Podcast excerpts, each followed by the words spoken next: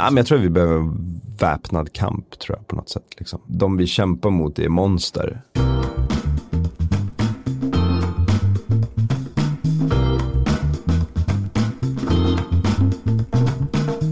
Han har fått stryk av ilskna kockar i Chicago och även lyckats med den svåra konsten att tjäna pengar på att driva restauranger. Nu vill superkocken och matentreprenören Niklas Ekstedt stoppa det hänsynslösa havsfisket. Jag heter Joel Dahlberg och du lyssnar på podden Min första miljon. Men först några ord från poddens sponsor.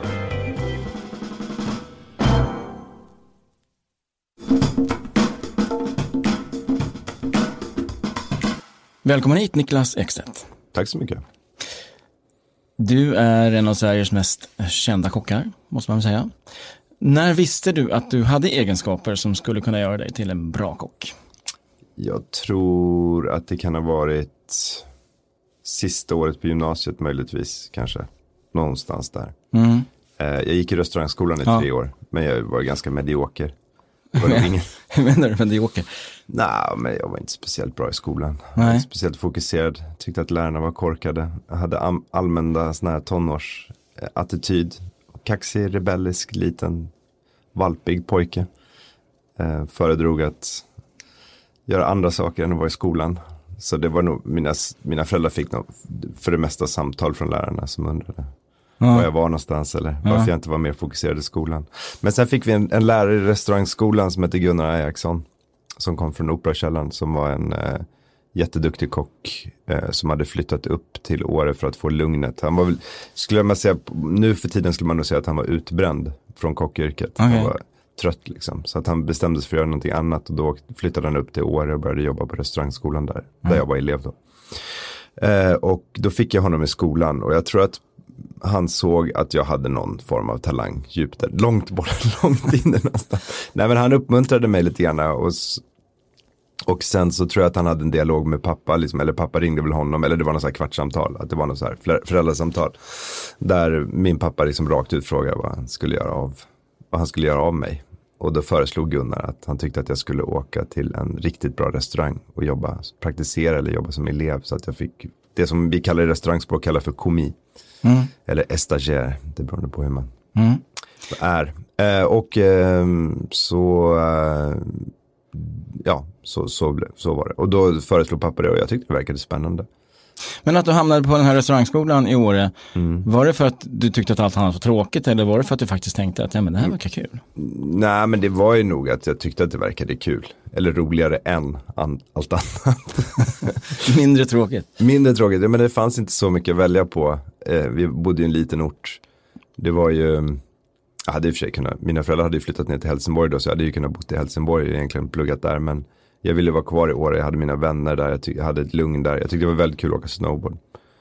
Eh, så att jag hade ingen, jag, det var nog jobbigare att lämna liksom byn sådär. Men till en början så kanske det blev mer snowboard än, än matstudier. Absolut. Första två åren tror jag inte ens var i skolan alls. Men vad intressant att den här eh, läraren Gunnar ändå såg någonting hos dig. ja. Har du funderat på det? Vad var det som? Ehm, ja, jag tror att han säkert, han var väl, han hade jobbat väldigt många år på Operakällaren så jag kan tänka mig att han hade sett många ungdomar komma och gå liksom. Och han såg väl att jag hade, jag är ju en väldigt rastlös själ och jag är väldigt dedikerad i vissa saker. Eller var redan då som ung. Så, här. så han såg väl att jag hade en dedikation kanske på andra saker och såg att jag hade egenskaper. Och att den där rebelliska, lite eh, sidan kanske skulle kunna användas till någonting positivt. Mm. Blev du förvånad då? Att han... Absolut, självklart. Det var ju första gången någon sa någonting, någonsin någonting positivt om mig. Eh, Ifrån, ifrån studiehåll så att säga. ja, från skolan. Jag var ju alltid här, relativt uppskattad socialt och hade mycket vänner och alltid någon flickvän och du vet sådär. Och alla, de äldre brukar oftast alltså, ge mig komplimanger och sådär. Men skolan och lärarna har jag aldrig gjort det någonsin. Så det var en, en helt ny, ny företeelse i, i, Ja, i, i skolan. Så exakt. Och sen, ja. alla kan, eh, vi ska gå vidare eh, med, med, med din karriär sen, men Mm. alla kan ju sjunga sägs det. Kan alla bli en bra kock? Nej. Det kan de inte. Är, är det, hur många Alla skulle du kunna säga? Är det inte 5 procent? Eller hur, har du någon känsla för det? Nej, men det är kanske hälften, kanske 20-30% kan laga mat. Alltså man behöver inte laga mat heller. Alltså, det, jag, tycker att, jag tycker att det är viktigt att folk lagar mat. Jag tycker det är viktigt att folk tar mat seriöst. Och ett näringslära och, och, och gastronomi är ja, väldigt viktigt såklart. Självklart, det är ju liksom det jag brinner för. Men jag tycker inte alla behöver laga mat. Vad är det vanligaste felet då som folk gör? De anstränger sig för mycket. Mhm. Oftast är det mycket enklare än vad man tror. Men det krävs väl också någon slags eh, ja, begåvning också? Absolut, självklart. Och vad, vad sitter det? Vad, liksom, hur? Ja, men, var- varför är Zlatan begåvad fotbollsspelare? Alltså det där behöver man ju Men är det smaken eller är det, eller är det intuition? Smaken är inte så viktig faktiskt. Alltså det finns ju folk som, stu, alltså det finns ju folk som inte har någon smak. Nej. Alltså jag kan säga mig själv, inte, jag har inte jättevass smak. Jag sätter inte alla smaker. Nej.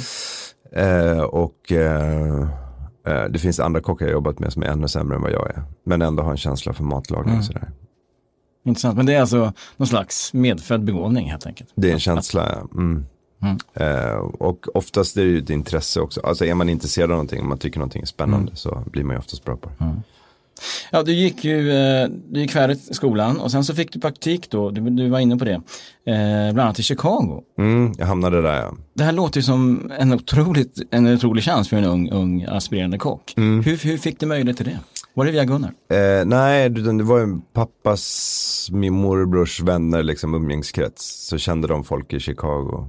Eh, och ehm, jag tror att de, eh, både pappa och Gunnar, vi gjorde väl en lista över lite restauranger som skulle passa mig väldigt bra. Och då var Frankrike var, och Spanien var ju helt uteslutet för jag kunde ju inte franska och spanska. Och det tänkte, börja liksom, eh, börja i en toppkrog i ett språk man inte kunde. Det var ju väldigt, det var ju väldigt svårt. Eh, och eh, England vid den här tiden ansågs ju, det var två restauranger, det var Marco Pierre White och Gordon Ramsay. Eh, och de ansågs ju vara värre än en eh, Navy Seal-utbildning. Det var ju, Straffkommendering. det var ju ökänt då. Eh, så då Vad, var vad det sa man om de här ställena? Eh, nej men alltså Gordon Ramsay på den tiden var ju känd för att ha misshandlat och eh, var ju utnämnd till världens värsta arbetsplats och sådär. Så det kanske inte var någonstans man ville skicka en 18-åring sådär, första arbetsplatsen. Eh, och då frågade pappa om USA och då tror jag att de började lista upp lite restauranger och då var Charlie Trotters och French Laundry de två kändaste krogarna i USA på den tiden. Eh, och då bestämde, de, eller bestämde vi oss för, eller ja, tillsammans för Charlie Trotters. Och, då- och, och så kände, vad heter det, ja, kände vi någon som kände någon där så blev det så. Hur var det där då? Var det bra? Ja, det var ju brutalt. Du kan ju tänka dig själv när man kommer från upp, Järpen, Åre, by med 900 invånare. Och man har gått i skolan två, tre dagar i veckan, sen åkt snowboard och druckit folköl och kört moppe kompisarna. till att komma till en trestjärnig restaurang med eh, 40 kockar som står i vakt. De har alltid varit tvungna att ha vita kläder, jobba 14-15 timmar om dagen. En Det var en chock. det var en, eh, det, ja jo, men det skulle man nog kunna säga att det var. Jag bodde också inneboende hos en gammal tant. Eh, en svensk, eh, andra generationens svensk invandrare i Chicago, i Villas, i en svensk, gamla svensk, eh, svenska kvarteren i, i Chicago. Eh, ja, så det var, det var väldigt många saker. Det var, var ett nytt land, ny krog, nytt språk. Ja, det var mycket saker som var jobbigt. Vad var det som fick dig att bestämma att stanna kvar då? Det kunde Jag tror inte jag hade dragit så hem. mycket val. Alltså, jag visste att det var så många som hade investerat så mycket tid och resurser och pengar att jag skulle vara där och att jag skulle få den här chansen. Och jag visste att det stod tusentals människor i kö för att få den positionen jag hade. Eh, och eh, det var, alltså, ja, på den tiden var det som att fått praktikplats i Vita huset eller i Obamas kommitté. eller Praktikplatsen. Det var liksom helt o möjligt att hoppa av.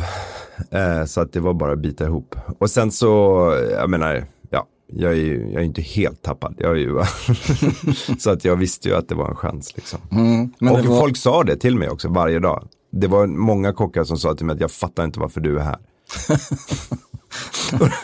Ingen uppmuntran direkt. Nej, det var det verkligen inte.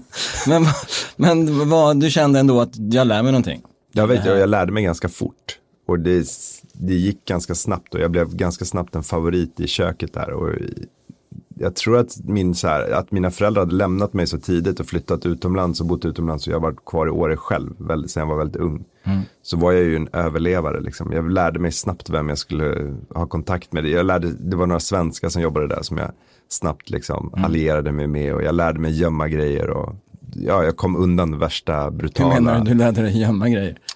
Uh, ja men i ett, i ett, kök på den nivån så börjar man nytt varje dag. Mm. Uh, så att alla kylskåp och allting töms ut. Okay. Så att det är liksom missanplassen som det heter restaurangspråk, ja. den börjar från scratch. Mm. Uh, och, men ofta så hinner du inte göra allting på en dag. Så då tar man med sig någonting hem eller man gömmer någonting i ett kylskåp eller sådär. Men skulle de hitta det så skulle man förmodligen få stryk. Liksom, eller bli puttad på eller bli av med jobbet. Man råkar illa ut. Ja. Exakt, ja. så att man lärde sig de där gatureglerna liksom, i, mm. i köket. Har du kontakt med några av de här fortfarande som du jobbade med? Uh, ja, absolut. Man, då blir man kompisar liksom, under de ja, tuffa omständigheterna? Det, det var ju tuffa omständigheter. Sen var jag ju på El Bulli som var ännu hårdare som, var, som är och, Efter då? Ja, mm. som är och förblir kanske en av världens mest beryktade och kändaste restauranger genom tiderna. Eh, och eh, där var det ännu värre. Eh, Vadå, tuffare bara? Det var tuffare, eh, och, eh, Men då hade jag ju haft den där, mm. liksom, för smaken av vad brutalitet är. Det finns ju inte idag, den här brutaliteten. Den är, alltså, okay. den, har... den är nästan helt borta. Ja. Det är klart det finns den här hårda jargongen och stilen finns fortfarande på vissa restauranger mm. utomlands. Sådär. Men man, den här misshandeln eller, liksom, eller att man kunde liksom bli puttad på eller få sparken på minuten, den finns inte kvar. Men man fick inte stryk i alla fall? Jo. vad vad betyder stryk då? Kunde få ett knä i låret eller man kunde putta in den i disken. Eller, eh, var det en person som gjorde det eller var det, var det vem som tryck, helst? Nej, det kunde hända var som helst hela tiden. En ganska penalistisk låter miljö, låter det Ja, verkligen. I allra högsta grad.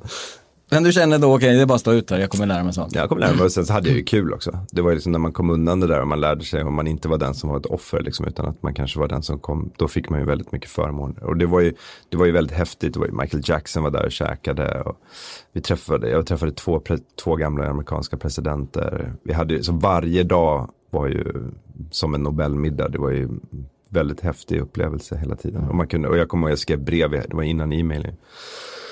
Så jag skrev brev hem och jag vet mamma läste upp de där breven nu i efterhand och det är väldigt coola upplevelser. Eh, så, ja, eh, och sen, ja, ja, så det var väldigt spännande. Mm. När var det här ungefär? Eh, 1990, ska vi se, 96. Okej. Okay. Mm. Vad hände sen? Du, du, hur länge var du i USA? Eh, sen var jag i USA i två lite under två år var jag i USA. Okay. Och sen åkte jag till Frankrike och sen åkte jag till Spanien. Mm. Och det, och, men du kom tillbaka till Sverige efter hur många år då? Eh, tre, fyra år. Ja, fyra år. Okay. Mm. Vad hände sen då? Vad, vad, visste sen du vad du skulle göra när du kom hem? Eh, nej, men jag visste hela tiden att, jag in, att det inte fanns någonstans i Sverige där jag kunde jobba. Alltså det fanns ingen restaurang på den nivån. Eller den, det fanns ingenstans jag ville, ville jobba. Det du var... hade redan kommit förbi liksom hela den svenska mm. restaurang. Ja, på den tiden ja.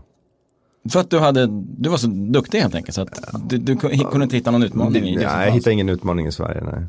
Och det fanns, alltså ny nordisk mat och ny, alltså det var inte samma sak för 15 år sedan. Det var, i början av 00-talet så hade vi inte Franzén och Noma och mm. alltså de, de här, de, alltså bästa restaurangen var Edsbacka krog, tvåstjärnig restaurang utanför Stockholm. Med all respekt, säkert fantastisk restaurang, men jag tyckte inte det var spännande som 21-åring. Utan de restaurangerna jag såg upp till fanns i England, USA och Frankrike. Så jag bestämde mig för att öppna min egen restaurang. Det är ett stort beslut för du var inte gammal. Nej, jag var inte gammal. Jag var ju alldeles för ung egentligen så här i efterhand. hade du vetat det så hade du bara, nej nej nej. Ja, okay, men så är det alltid. Alltså naiva beslut mm. är ju tagna i ett naivt tillstånd. Mm.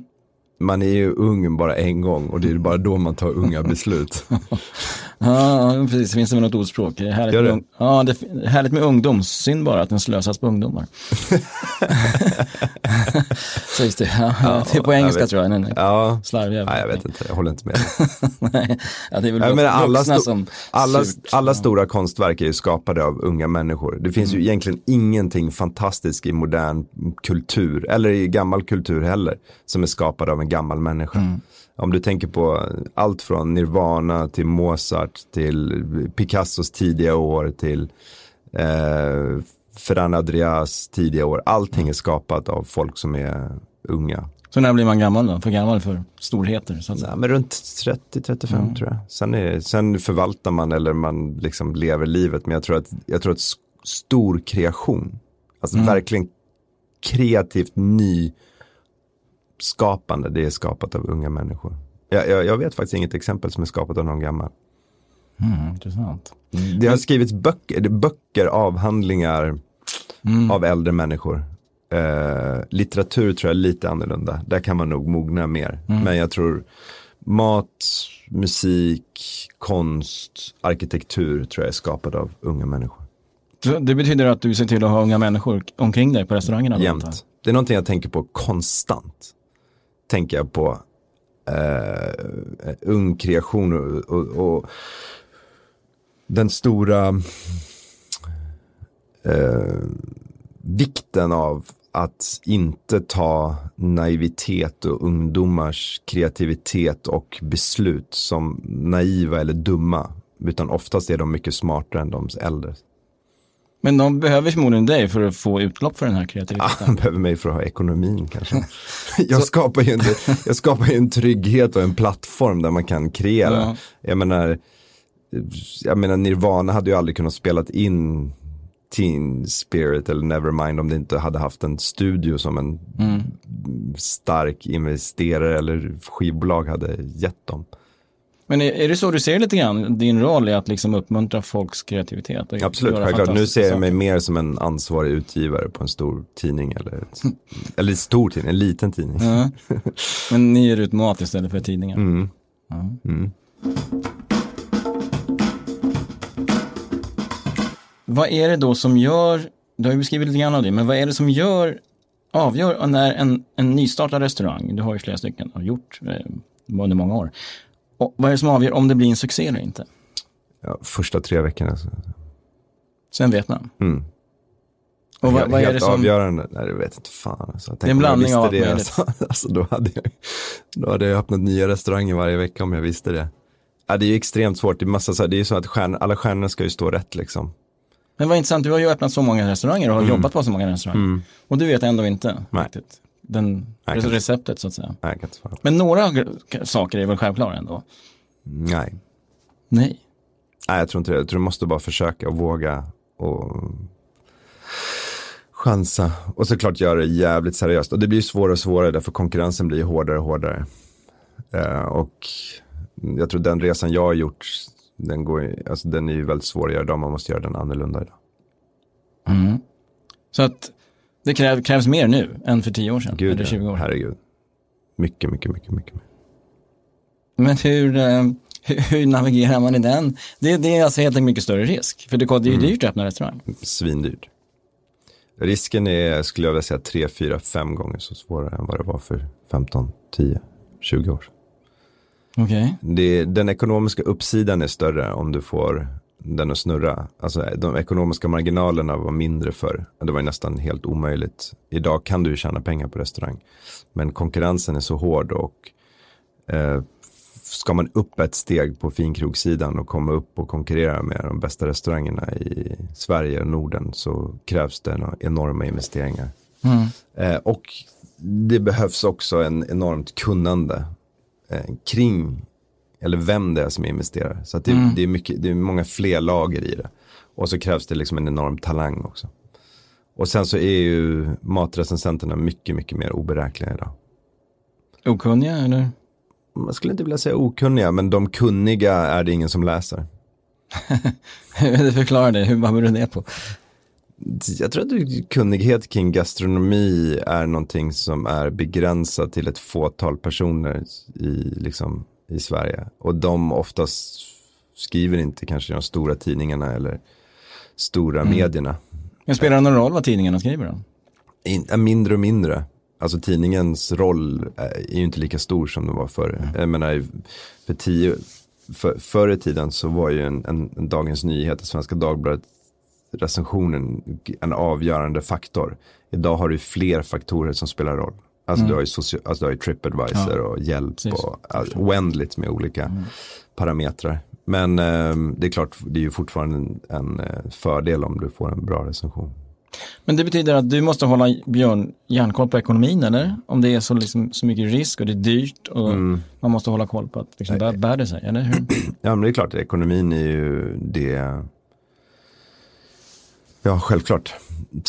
Allt vi gör idag är ju en stor ekonomi. ja, precis. Det är ju, menar, men går du runt och är nervös eller är du ganska trygg med att ah, men det här känns bra? Eh, alltså jag har ju finansiärer och delägare i restaurangerna som jag vill leverera för och jag vill ju såklart eh, ha en trygg ekonomi till min familj. Eh, så att eh, det är klart att jag är, det är klart att jag är nervös. Eh, men jag tror inte jag är mer nervös än någon annan som har ett ekonomiskt ansvar. Mm. Men ja, ja, den är ju där. Lika mm. stor som risken är när man kör bil att någon ska köra på mm. en. Men det är ju en risk som man har hela tiden. Det är, en, det, det är så inrotat och så en del av vardagen så att det är, den blir liksom naturlig på något sätt. Förstår jag menar? Man lär sig leva med det. Ja. Mm. Men du har ju tre restauranger nu mm. i Stockholm. Mm. Eh, man brukar ju säga i ekonomiska sammanhang att man sprider sina risker, det vill säga det skulle kunna betyda i ditt fall då fler restauranger. Så att om en, en börjar gå dåligt så är inte det så stor Ja, tyvärr så är det inte riktigt så. Ett plus ett plus ett blir ju inte alltid tre.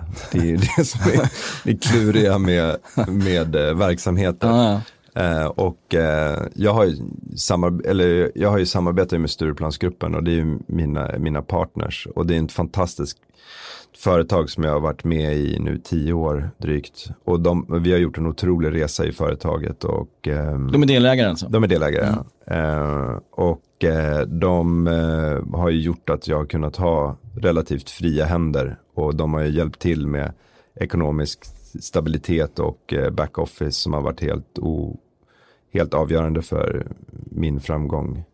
Och jag, förhoppningsvis så har jag ju varit oundviklig för deras framgång. Och det är väl då man har en, en framgångsrikt samarbete, mm. när två starka Uh, ja, det är det som, är, det är det som kallas för mm. allierade. Mm. Ja, så. Och de, det hade inte funkat annars helt enkelt? Nej, jag, jag tror alltså nä, nästan alla, det är få som inte har allierade idag. Mm. Alltså, det, alltså rest, så var det ju inte förr, utan då drev man ju restaurangen själv. Kocken hade bankkontot, han stod för fiolerna den eh, kanske ägde restaurangen kanske med matsalsarbetare och sen kanske de lånade lite pengar åt bryggeri för att klara mm. likviditeten någon månad. Idag är det stora koncerner, det är starka finansiärer, det är privat equity som går in och, eh, och eh, skjuter till på restauranger, det finns filantroper, det finns så stort brett mm. av olika investeringsmöjligheter som inte vi hade när jag var ung. Mm. Eh, finns det då en konkurrens kockar emellan så att säga? Tävlar man sinsemellan med liksom ja, menyer och liksom vilka min... folk, vilken, vilken personal man attraherar och sådär? ja, jo det är klart. Äh, men det, alltså, jag, tävlandet mellan restaurangerna är mindre än vad media målar upp det till att okay. vara. Det är mm. oftast så finns det en, ett behov av tidningar att göra listor. Mm. Och det, ja, så är det ju. Det är ju inte, det, det, så att man gör, White Guide gör någon topp 10-lista. Det, det kommer ju hela tiden olika mm. listor. Topp 10 bästa restaurangerna i Stockholm just nu och heatlists och opinionated about dining. Även det, den är, det finns lika många listor som det finns tidningar. Mm.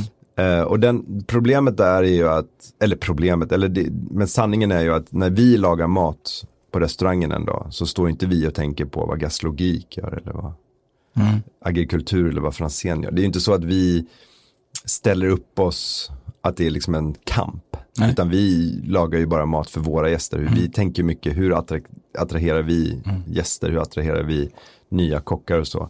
Men det man kan säga är att konkurrensen ligger ju att ha ett spännande koncept som, mm. som unga kockar vill jobba för. För konkurrensen bland personal är ju väldigt hård. Kompetens.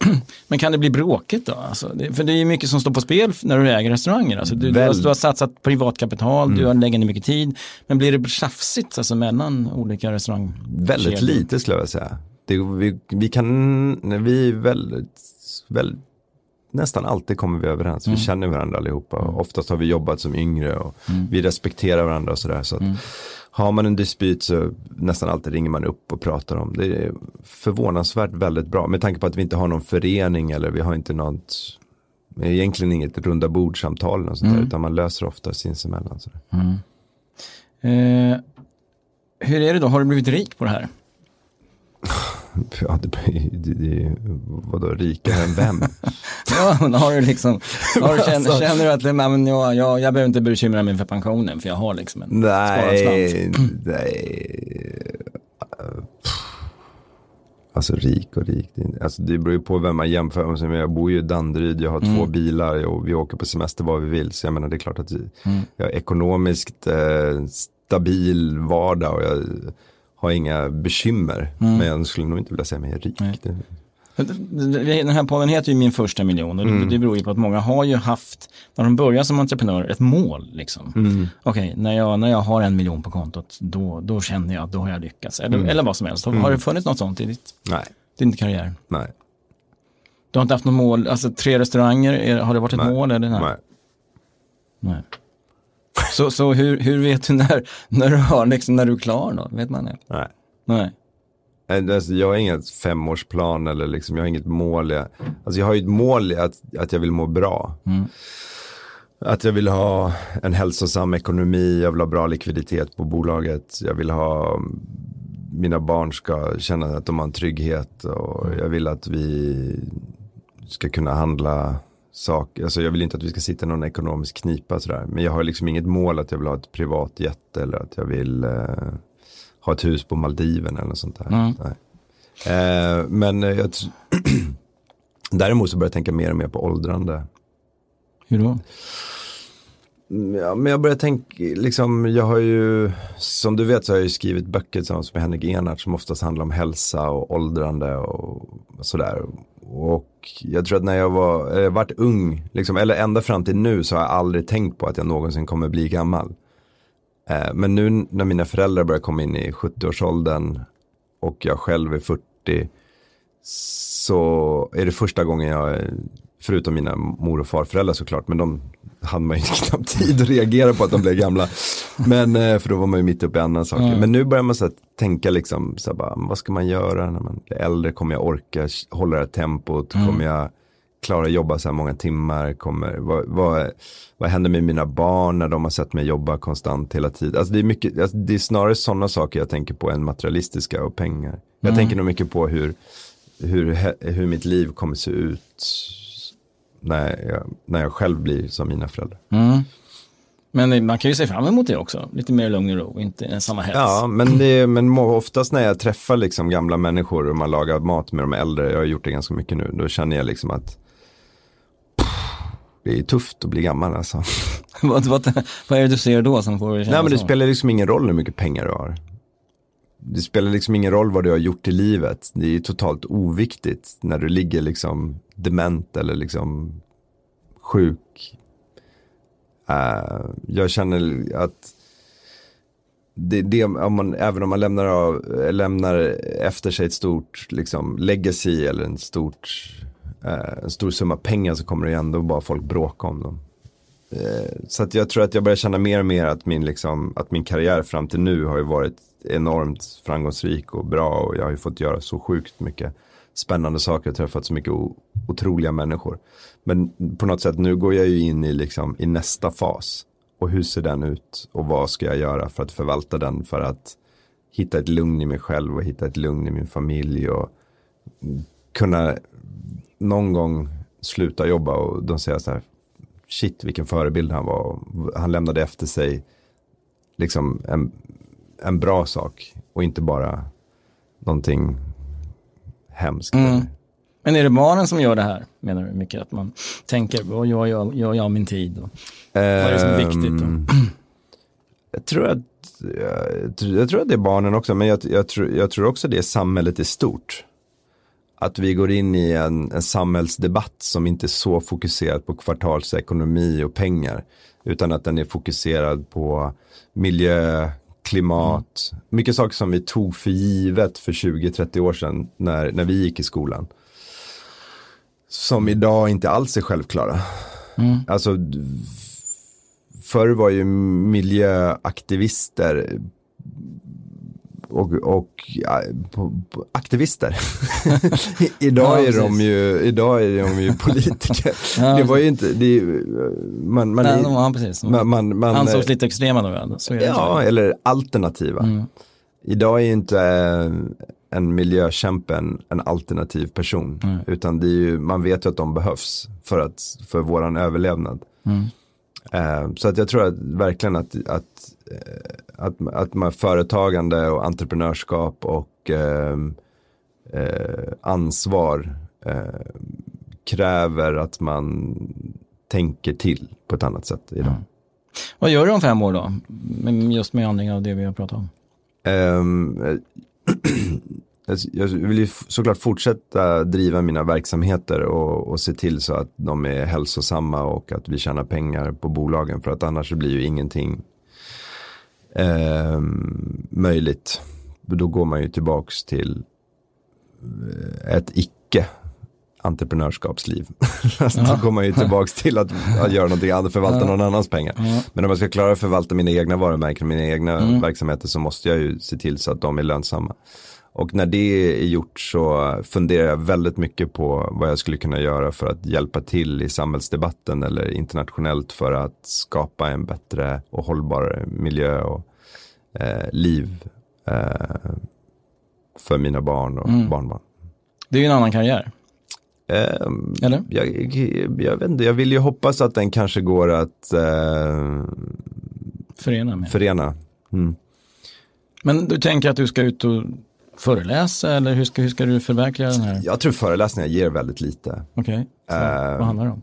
Jag tror att man, man, man, ser ju liksom att för, alltså jag tror att man måste göra saker. Alltså jag tror att det finns alldeles för mycket plattformar där folk pratar på. Inklusive podden. Inklusive podden, ja. ja, nej men alltså jag tror att man, man ser liksom att man har ju, som vi har precis gått igenom Brilliant Minds nu i Stockholm liksom. Var du där? Nej, jag var inte där. Mm. Men man ser ju att det har varit väldigt många kända människor mm. som har varit där och pratat. Eh, man har ju, och det finns ju massvis med sådana här i varje städer. Men väldigt, väldigt få av de här konferenserna och leder till någonting. Utan att det blir att man mm. bara uppmuntrar och pratar och folk bara oj vilken duktig person. Och man ger mm. ofta så är det personen i sig eller den som är eh, kändast på föreläsningen. Den blir liksom huvudnumret. Mm. Men själva sammanhanget eller ämnet på eh, konferensen den blir väldigt utsuddad. Ja. Eh, och eh, man kan ju se det genom liksom Obamas åtta år av aktivism och en talare och en fantastisk inspiratör gav ju ingenting. Den gav ju konservatism och, och, och Trump. Trump. Mm. Eh, det så, gillar du inte? Eh, nej. nej, jag avskyr det såklart. Ja. Eh, det står ju, står ju ljusår ifrån vad, vad jag tycker och tänker och, och vill med världen. Mm. Ehm, och, eh, Men du, du, vill alltså göra saker? Du, att, att, att, ja, någon slags aktivist eller vad ska man säga? Ja, jag, jag, alltså jag tror att vi måste, jag, jag, jag skulle nog säga kamp liksom. Jag, skulle, jag tror inte det räcker med att prata, men nu måste vi liksom action. Men är det politik vi pratar om eller ska du liksom starta projekt? som involverar mat och liksom eh, göra saker? Nej men eh, jag tycker att Hugh Furling Withingstall i England är en en aktivist och entreprenör som jag ser väldigt mycket upp till. Vad gör han? Eh, han eh, har gjort, haft den här, eh, vad heter det, um, Sea Dump-kampanjen eller Fish Dump-kampanjen där han stoppar eh, fiskdumpning och styr, hårdare styr att vilken fisk vi äter och att man inte dumpar fisk ute i havet mm. som bifångst utan att man ser till så man har mer reglerad fiske. Eh, han har jobbat med olika djurrättsfrågor kring olika foderfrågor i England. Och han har, nu jobbar han väldigt mycket med plast. Försöka Okej. få stopp på plastet i Ja. havet och mikroplaster. Så något sånt skulle du kunna tänka dig? Absolut, skulle jag kunna tänka mig. Har du kontaktat honom? Ja, vi har väldigt nära kontakt. Eh, Vad, pratar ni om? Ehm, ja men alltså haven är ju någonting som trubblar en. som, så, precis. Mycket- det, är mycket jävligt jobbigt, det är jävligt jobbigt alltså. Ja. Dels så har jag ju varje sommar varit hos mina morföräldrar i, och mina föräldrar i västkusten då utanför Höganäs. Jag har ju sett fisket komma och gå där. Och sen så eh, älskar jag fisk. Eh, det är en av mina absolut favoritråvaror. Men jag ser också hur fiskar för, försvinner.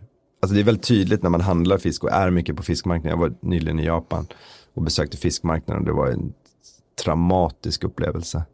Jag kan tänka mig att det är lite grann som att komma, komma tillbaka efter 30 år eller 20 år hem till sin gata och så finner man bara den i betong och trafikljus och Mm. syrenerna och fläden är borta och Mm. liksom det är bara liksom och det var så var det att komma tillbaka till fiskmarknaden i Japan. Fiskarna är mindre, fisksorter är borta. Eh, Du fick en klump i magen? Mm, verkligen. Eh, och ehm, så havet är någonting som jag skulle vilja jobba med. Östersjön är ett sånt exempel också. När jag började jobba som kock så var Östersjötorsk jättefin. Vit, härlig, stor, tjock, fet, fin torsk. Idag pff, existerar den knappt. Eh, och det här har hänt liksom en, i en sån kort period. Och jag känner att havet är för mig greppbart och jag tror att jag kan göra en förändring där. Men jag har inte bestämt exakt hur jag ska göra eller på vilken nivå jag vill göra. Men jag vill inte göra, ja, klart att jag kan skänka några tusenlappar till Naturskyddsföreningen varje år också. De gör säkert ett fantastiskt jobb. Men jag vill göra, nog göra någonting ännu större. Och vad, exakt vad det blir och hur kraftfullt det blir och på vilket sätt det blir, det har jag inte riktigt bestämt mig än. Men du, du söker så att säga partners i det här antar jag? Nå, jag skulle nog vilja själv vara den som tar initiativet och gör en förändring. Mm. Eh, När händer det här? Ja, det vet jag inte. Men det Ja. kommer vara i, i fortfarande frisk ålder. I den här kreativa åldern? ja, men jag tror att det kommer, jag tror att det kommer kräva liksom, jag gillar Greenpeace, jag tycker de är en fantastisk organisation. Eh, Vi ser ju när de, alltså jag tror att det här är liksom, de vi kämpar mot är monster. Alltså det är liksom en, en, en mörk, mörk kraft. Någon slags multinationell fiskindustri? Nej, men jag tror att vi behöver väpnad kamp tror jag på något sätt. Liksom. Alltså jag tror att man måste, liksom, Greenpeace gör ju bra när de liksom gör sina aktivister, hänger dem på båtarna och verkligen kämpar för det. Så att jag tror att, jag tror att man kommer behöva, jag tror att man kommer behöva få in liksom, mm, ja jag vet inte exakt men jag tror att man, man behöver vara hårdare. Beväpnad med vad då kan man undra? Ja men vi har ju massvis med vapen, men vi använder dem ju på fel sätt. Alltså- vad, pratar de för vapen då? Ja men vi har ju marinen, Mm. vi har ju hangarfartyg, vi, Mm. det finns ju cruisers, destroyers, you name it, Man ska stoppa ubåtar. de här alltså? Ja, Jag tror vi måste ha Stoppa rovdriften? ja, starkare marina krafter som sätter stopp för eh, trålningen och utfiskningen och nedsmutsningen av hav. Men är det här en successiv eh, kunskap som har kommit till dig? Mm. Att du, och sen så inser fan så här, så här kan vi inte ha det. Nej, Mm. Nej så, det är klart det är så. Vi, eh, vi har någonting som vi kallar för tre snabba. Mm. Jag ställer eh, tre snabba frågor till dig. Mm. Och så ska du ge ett kort svar helst. Mm. Ärtsoppa eller ostron? Eh, ostron, Pengar eller ledighet? pengar. Än så länge kanske. Jag har alltid haft svårt att vara ledig. Okej. eh, New York eller Paris? Eh, Paris. Varför då? Ehm, Paris har blivit den nya matstaden. Ehm, den var väldigt länge en eh, plats, ett museum. Mm. Eh, man eh, förvaltade inte det gastronomiska arvet. Men eh, nu tack vare en ny generation av kockar och framförallt vinmakare faktiskt. Mm. Vinsommelier, den Mm. nya trend, naturvinstrenden, nya. Mm. Eh, Så har Frankrike kommit i en renässans och är, skulle jag nog vilja säga, Köpenhamn och Paris är nog de två mest spännande matstäderna i världen just nu. Mhm. Tokyo också. Mm. Du, har ändå. Stock- du har ändå valt Stockholm. ja, det är mindre konkurrens. mindre konkurrens, ja. ja. Eh, vi, vi, pratade också lite grann precis före programmet om det här att vara chef. Mm. Det är du ju. Mm. Och du tar, eh, du säger att du månar om att ta in unga människor. Men ja. hur, jag tror det moderna eh, köket och, och det nya Sverige passar mig väldigt bra. Vad betyder det? Jag tror att jag var liksom en, jag var lite för mjuk, lite för soft, lite för, gav för fria händer tidigare. Men nu börjar folk uppskatta den typen av ledarstil mer. Så du har inte ändrat dig? Nej, jag har varit likadan hela tiden. Så betyder det att folk men ändå gör de som ja, du men säger. Tidigare var, tidigare var jag ju med unga människor. Då var vi liksom ett gäng som jobbade ihop. Och jag var ju mycket, jag bytte ju om med dem, jag duschade mm. med dem, jag var ute och krökade med dem. Du vet, jag var ju liksom, en, nu är jag ju, jag är ju inte där. Nej. Jag är ju en familjefar, mm. alltså jag har ju två små barn, jag reser i hela världen. Jag, jag har ju konstant någonting på gång någonstans. Så att jag är ju inte, jag är inte lika där. Nej. i liksom den dagliga driften. Men jag är ju fortfarande närvarande. Mm. Så vad, vad, är den viktigaste egenskapen som chef då, tycker du? Uh, det är ju att uh, förstå att andra människor har ett liv och förstå deras situation. Men samtidigt få dem att förstå att de jobbar i en verksamhet som måste vara lönsam och leverera på mm. en hög nivå. Så den här brutaliteten som du beskrev tidigare, mm. när, du var, när du var praktikant, mm. säga, eh, hade du försökt med det så hade det havererat? Mm, ja, dels vill jag inte det, dels så går det inte att göra så idag som tur är och sen så är den helt ohållbar. Mm. Du har någon gång sagt att det, finns, det har funnits eller finns en machokultur också mm. restaurang. Mm, den är ju som glädje, glädjande vis så är ju den på väg bort och väldigt ifrågasatt. Hur märker, och, hur märker du det? Dels så är det ju sånt att när man åker på kockkonferenser, förutom när man åker till Tyskland, så är det blandat eh, med män och kvinnor. Och att nästan alla arrangörer vill ju blanda upp det. Och man eh, vill fortfarande sätta kockar eh, i, ett, i centrum och inte vill liksom, vem de är, vilket kön de kom, har. Mm. Så att det är ju glädjande vis. Och sen finns det massvis med duktiga, Anna Nordström till exempel. Det finns flera stycken, Linn Söderström. Det finns flera stycken som jobbar hårt för att det ska bli en mer jämställd restaurangbransch i mm. Sverige. Mm. Och eh, idag vilar vi mer på deras axlar än vad vi vilar på tunga, kända kockar. Så aktivisterna och de som vill att det ska bli mjukare och, och mer eh, jämställt. Mm. De har en viktigare röst än vad den kocken med den vassaste kniven har. Mm. Det finns några kockar kvar med vassa knivar. Ja, men de har ändå liksom, det är inte, alltså, det är inte samma sak längre.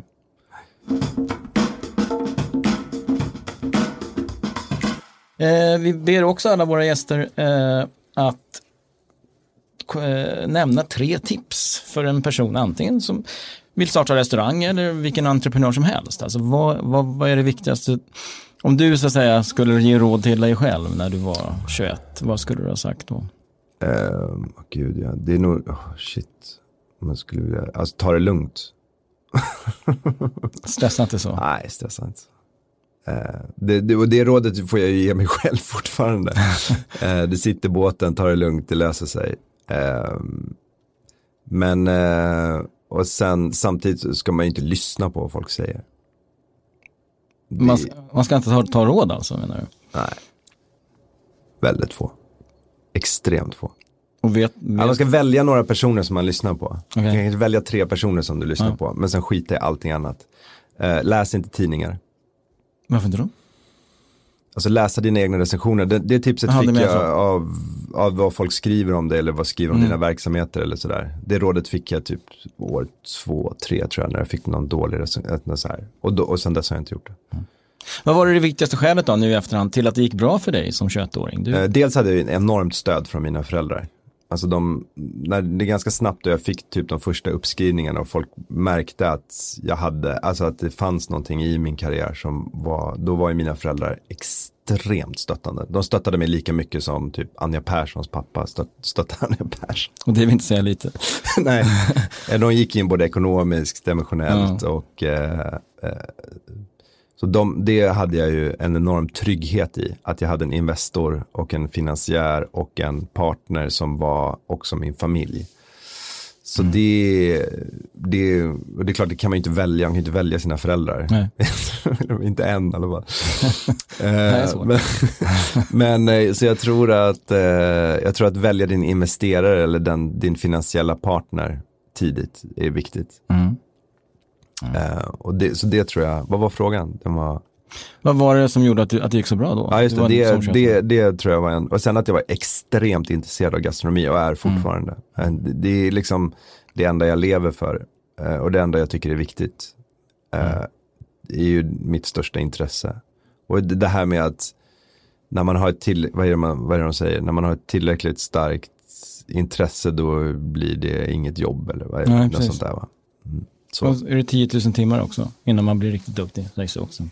Ja, det kan nog stämma. Ja. Det kan stämma. Eh, vi, ska, vi, vi är strax klara, men vad, mm. vad gör du nu? Ska du till restaurangen eller vart ska du? Eh, ja, absolut. Ska direkt till restaurangen. Eh, och eh, vad ska jag göra sen?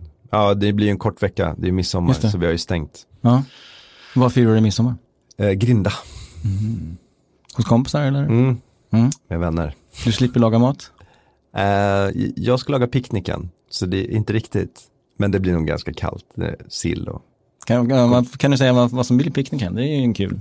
Uh, det blir matjessill, gurka, brynt smör, uppvispat brynt smör, vad blir det mer, jordgubbar, mynta socker, kavring. Du har redan bestämt det? Uh, ja, det, det, var, det här, annars brukar jag bestämma mig liksom kanske dagen innan så här.